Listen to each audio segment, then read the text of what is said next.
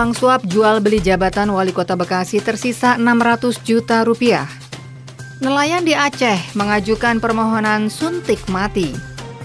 GP Ansor minta polisi menindak tegas Ferdinand Hutahean perihal cuitan hina agama. Dari kawasan Jalan Jagalan 36 Yogyakarta, segera Anda ikuti Detak deretan Warta Aktual Reco Buntung 99,4 FM. Selamat petang pemirsa, itulah tadi beberapa informasi yang dapat Anda ikuti dalam program Detak. Deretan Warta Aktual Reco Buntung edisi hari ini Jumat 7 Januari 2022. Saya Asik Eka Dewi, segera kita menuju informasi pertama. Detak, deretan Warta Aktual Reco Buntung. Dari CNN Indonesia, Wali Kota Bekasi Rahmat Effendi alias Bang Pepen diduga menerima uang dari sejumlah pegawai pada pemerintah Kota Bekasi sebagai pemotongan terkait posisi jabatan. Pepen diduga sudah menggunakan sebagian uang tersebut dan kini tersisa 600 juta rupiah. Lembaga anti rasuah menyatakan bakal mendalami jumlah uang yang diterima Pepen terkait jual beli jabatan pada proses penyidikan. Berdasarkan temuan awal KPK, Pepen diduga menerima uang lebih dari 7,1 miliar terkait pengadaan barang dan jasa, jual beli jabatan, serta pengurusan proyek dan tenaga kerja kontrak di pemerintah kota Bekasi. Pepen disebut menerima masing-masing 4 miliar rupiah, 3 miliar, dan 100 juta dari pihak swasta terkait belanja modal ganti rugi tanah dengan nilai total anggaran mencapai 286,5 miliar rupiah. Kemudian ia disinyalir menerima 30 juta dari pihak swasta terkait dengan pengurusan proyek dan tenaga kerja kontrak di pemerintah kota Bekasi. Lima orang yang diduga sebagai penerima suap yaitu Rahmat Effendi, Sekretaris Dinas Penanaman Modal dan Pelayanan Terpadu Satu Pintu M. Bunyamin, Lurah Jati Sari Mulyadi alias Bayong, kemudian Camat Jati Sampurna Wahyudin dan Kepala Dinas Perumahan, Kawasan Permukiman dan Pertanahan Bekasi Jumhana Lutfi.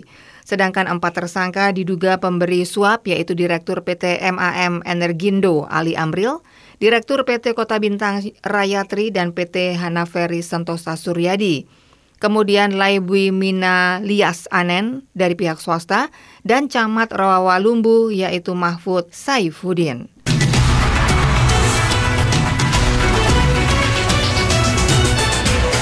Pemirsa, seorang nelayan bernama Nazarudin Razali, 59 tahun, warga desa Pusong, Kecamatan Banda Sakti, Kota Los Sumawe, Aceh, mengajukan permohonan suntik mati atau eutanasia ke pengadilan negeri setempat.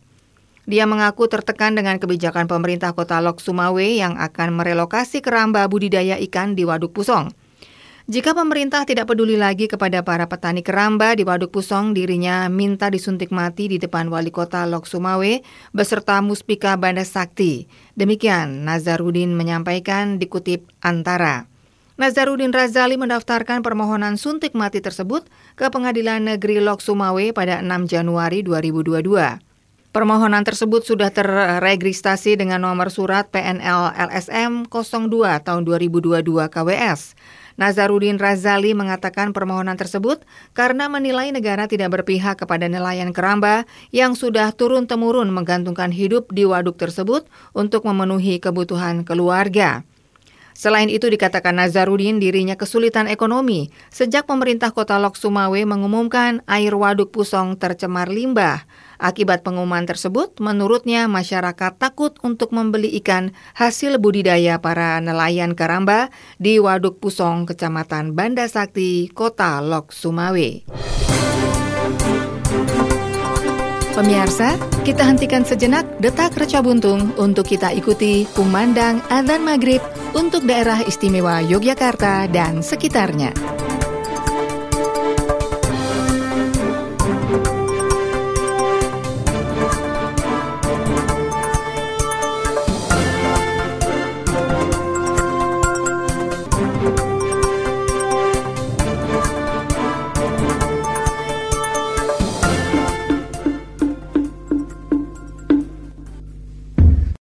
الله أكبر الله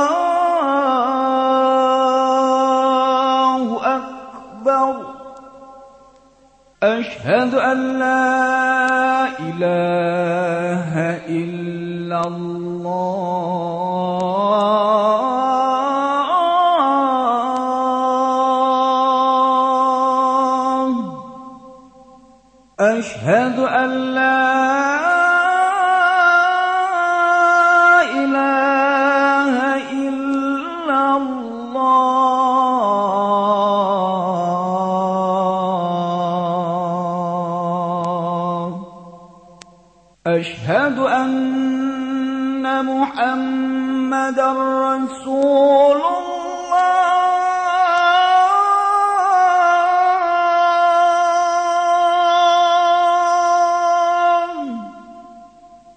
أشهد أن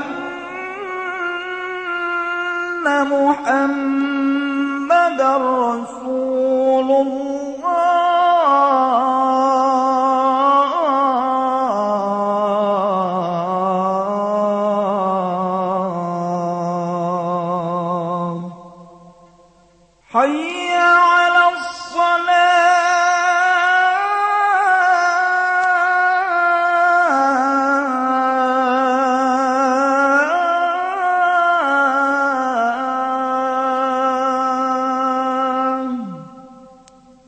Ayy!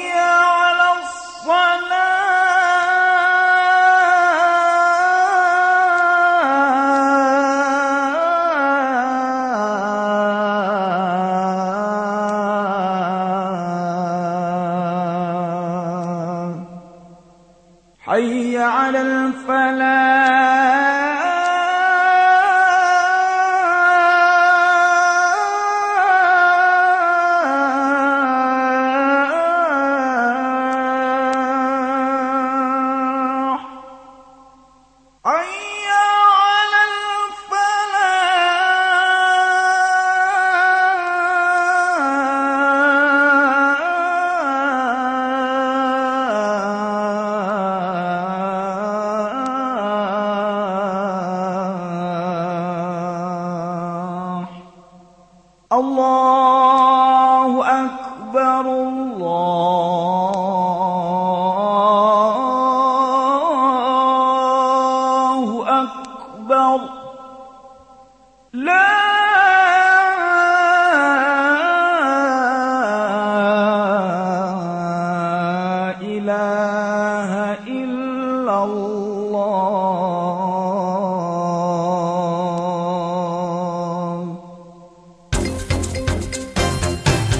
Pemirsa, kembali Anda ikuti Detak, deretan Warta Aktual Reca Buntung.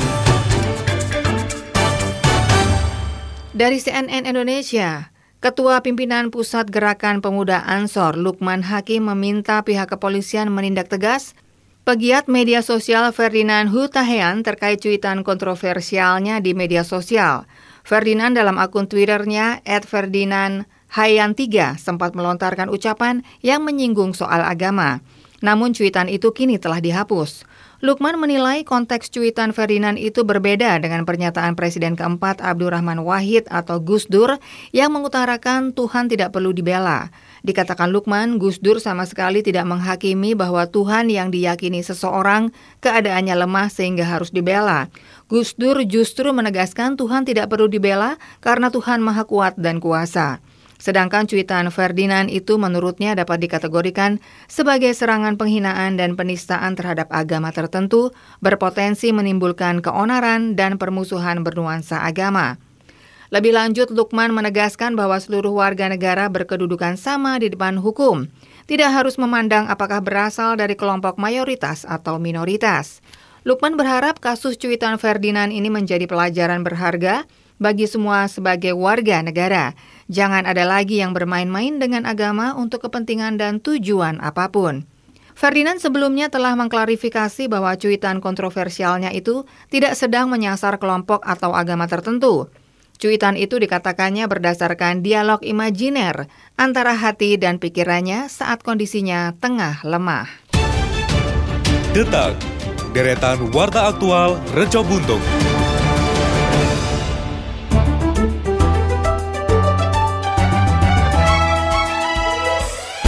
Baik pemirsa, masih Anda ikuti Detak Deretan Warta Aktual Reca Buntung bersama saya Asik Eka Dewi. Segera akan hadir rekan-rekan reporter yang akan menyampaikan beberapa berita daerah di segmen Jogja Selintas. Baik, terima kasih rekan Asik Eka Dewi. Pemirsa Jogja Selintas kami awali dari Sleman. Pasar Sompilan di Kalurahan Hargo Binangun Kapanewon Pakem diresmikan. Pasar yang menampung 12 unit kios dan berada di luar jalur wisata menuju Kaliurang tersebut diharapkan bisa menjadi penggerak ekonomi masyarakat setempat. Demikian dijelaskan oleh Lurah Hargo Binangun Amin Sarjito di sela kegiatan peresmian di Kamis kemarin. Pasar Sompilan mulai dibangun sejak tahun 2018 dan proses pembangunannya selesai di tahun 2021 dengan menghabiskan anggaran dana desa senilai 455 juta rupiah. Nantinya, selain pedagang di kios, pasar di tepi jalan Kaliurang ini juga akan mengakomodir pedagang non-kios yang menjual komoditas lokal.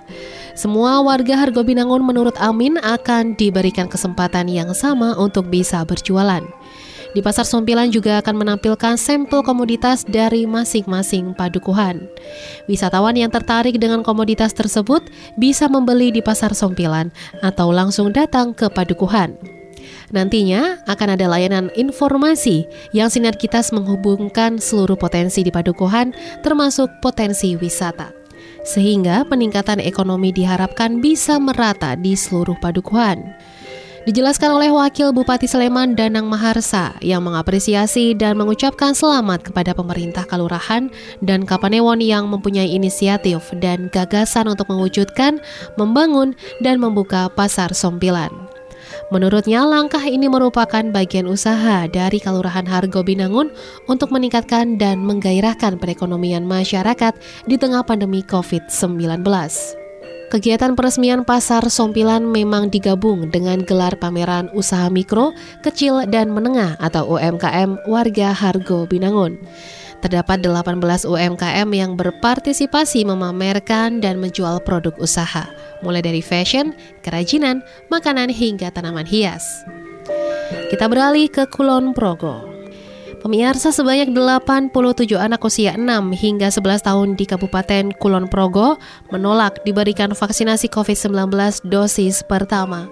Mereka menolak dengan berbagai alasan. Juru bicara penanganan COVID-19 Kabupaten Kulon Progo, Baning Rahayu Jati, mengatakan puluhan anak yang menolak tersebut tersebar di berbagai wilayah. Mereka yang menolak alasannya karena agama. Ada yang memang tidak mau divaksin dan ada yang menunggu vaksin produk Indonesia. Penolakan tersebut juga disebabkan orang tua tidak menyetujui anaknya diberikan suntikan vaksinasi COVID-19. Dengan adanya penolakan tersebut, Dinas Kesehatan Kulon Progo bekerja sama dengan Kementerian Agama, Dinas Pendidikan, Pemuda dan Olahraga, dan juga tokoh masyarakat untuk melakukan edukasi pentingnya vaksinasi. Data laporan harian vaksinasi per Rabu 5 Januari 2022 kemarin menyebutkan capaian vaksinasi anak dosis pertama sebesar 72,19 persen atau 25.595 anak dari 35.457 target sasaran.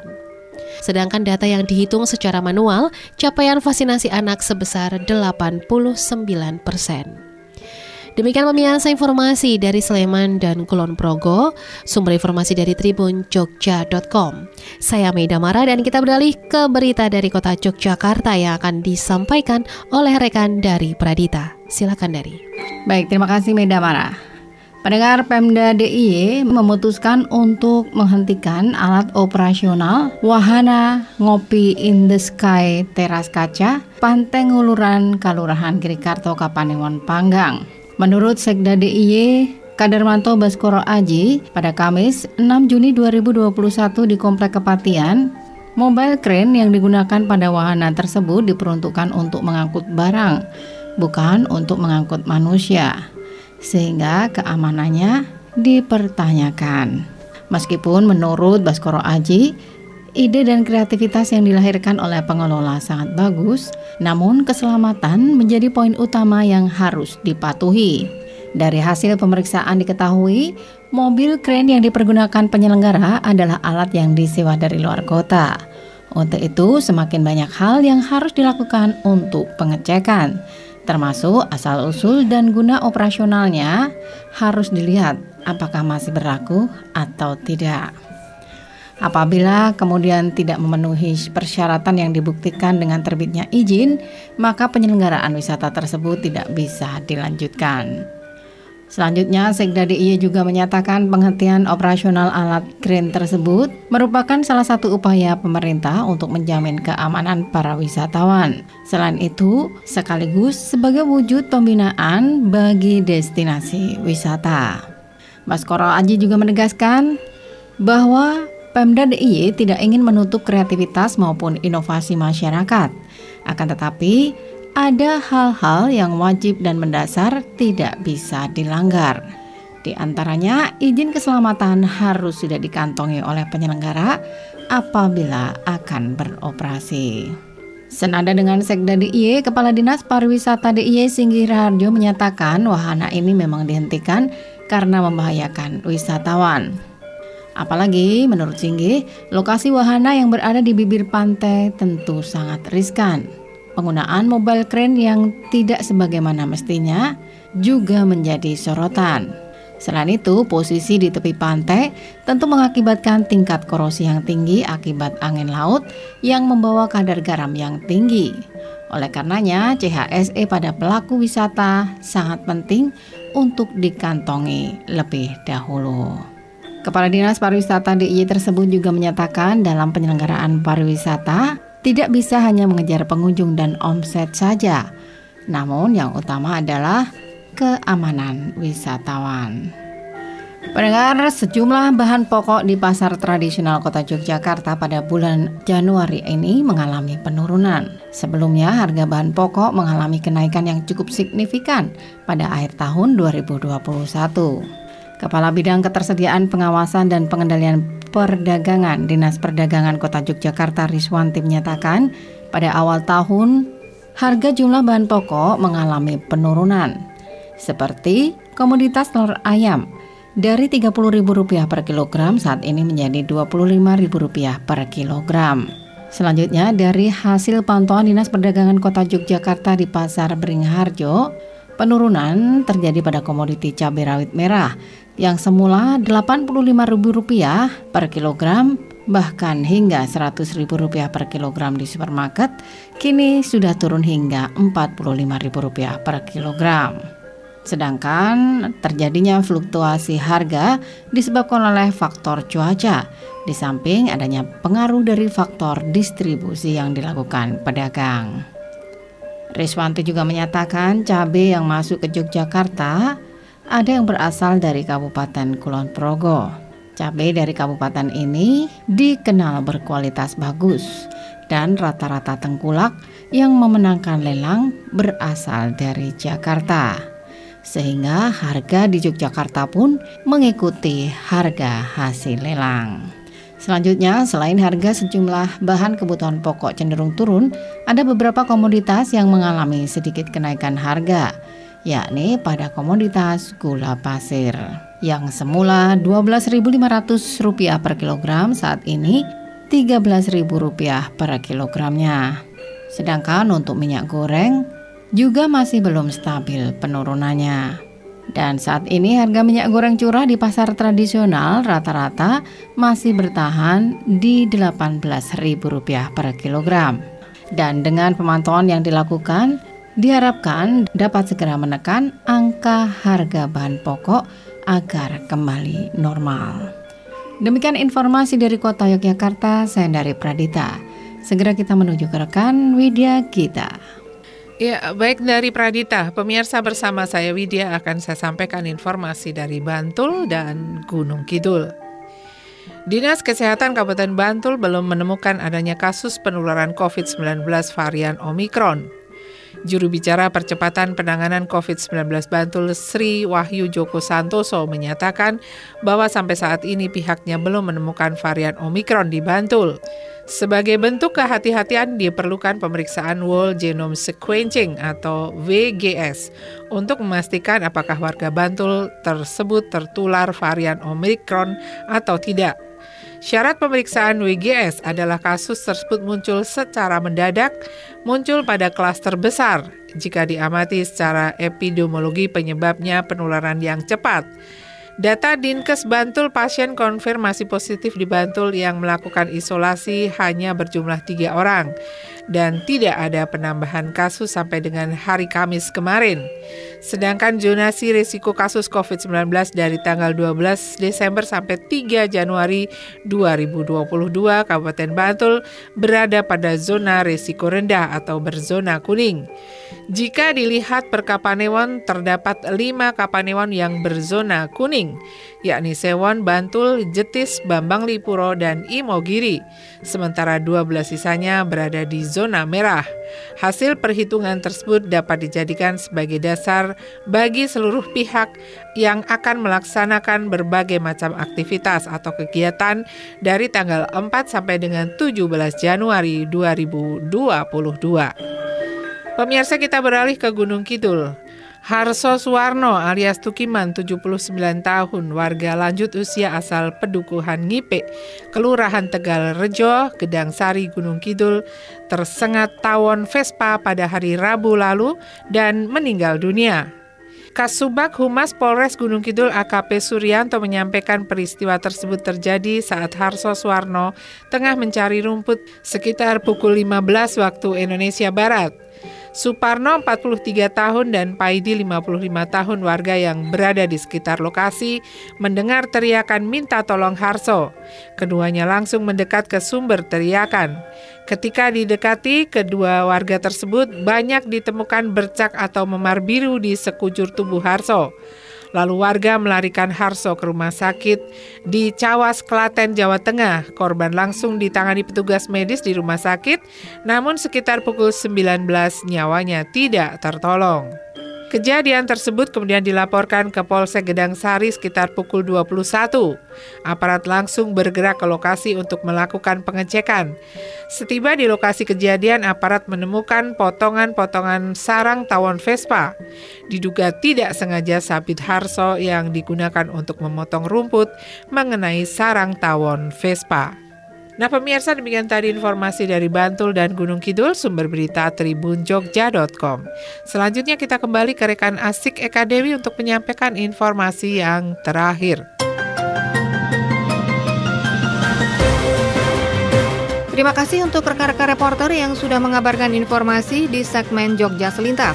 Dan pemirsa, sekarang kita sampai ke informasi yang terakhir. Detak, deretan Warta Aktual Reco Buntung. Dari tribunjogja.com, indeks kebahagiaan di DIY turun dari peringkat pertama menjadi peringkat ke-22. Hal ini terlihat dalam laporan Indeks Kebahagiaan 2021 yang dirilis Badan Pusat Statistika atau BPS baru-baru ini. Survei itu dilakukan pada 1 Juli sampai dengan 27 Agustus 2021 terhadap 75 ribu rumah tangga yang dipilih secara acak dengan pendekatan kepuasan hidup, afeksi atau perasaan, dan eudaimonia atau makna hidup. Menanggapi hal tersebut, dosen Fakultas Bisnis dan Ekonomika Universitas Atmajaya Yogyakarta Dr. Y. Sri Susilo mengatakan, Pandemi COVID-19 menjadi salah satu alasan kenapa indeks kebahagiaan di daerah istimewa Yogyakarta menurun. Dia mengatakan ada kondisi lain yang membuat turun, beberapa di antaranya adalah daya beli dan jual petani naik dan turun hingga harga komoditas ayam anjlok. Bisa juga dipengaruhi oleh fenomena klitih. Itu terjadi di masa pandemi meski di waktu sebelum pandemi juga telah terjadi. Dugaan lain, responden yang mengikuti survei adalah mereka yang betul-betul terdampak pandemi COVID-19 secara langsung, khususnya di bidang perekonomian. Meski demikian, Susilo berharap masyarakat tidak perlu terlalu risau dengan hasil BPS karena memang itu sudah tugas dari lembaga tersebut. Ia juga setuju dengan pernyataan Sekda DIY Kadarmanta Baskara Aji yang sebelumnya telah mengatakan bahwa pihaknya akan mengevaluasi apa saja yang menjadi faktor indeks menurun. Status terkait risiko COVID-19 Pemerintah Republik Indonesia menetapkan empat status orang terkait risiko virus corona atau COVID-19. Yang pertama, orang dalam pemantauan atau ODP, kemudian pasien dalam pengawasan atau PDP, suspek, dan yang keempat adalah confirm positif COVID-19. Orang dalam pemantauan atau ODP adalah semua yang datang dari daerah wabah masuk ke Indonesia – data dari imigrasi, dan tidak semua ODP atau orang dalam pemantauan diterjemahkan sakit. Pasien dalam pengawasan atau PDP, yaitu ODP atau orang dalam pemantauan yang mengalami keluhan gejala influenza sedang lalu menjalani perawatan. Demi meningkatkan kewaspadaan, PDP atau pasien dalam pengawasan juga diperiksa intensif. Status yang ketiga, suspek, yaitu PDP atau pasien dalam pengawasan yang telah diyakini memiliki riwayat kontak dengan orang positif COVID-19. Hasilnya setelah observasi ada dua, yaitu negatif atau positif. Status yang keempat adalah confirm positive COVID-19, yaitu suspek yang telah dinyatakan terinfeksi virus corona atau COVID-19.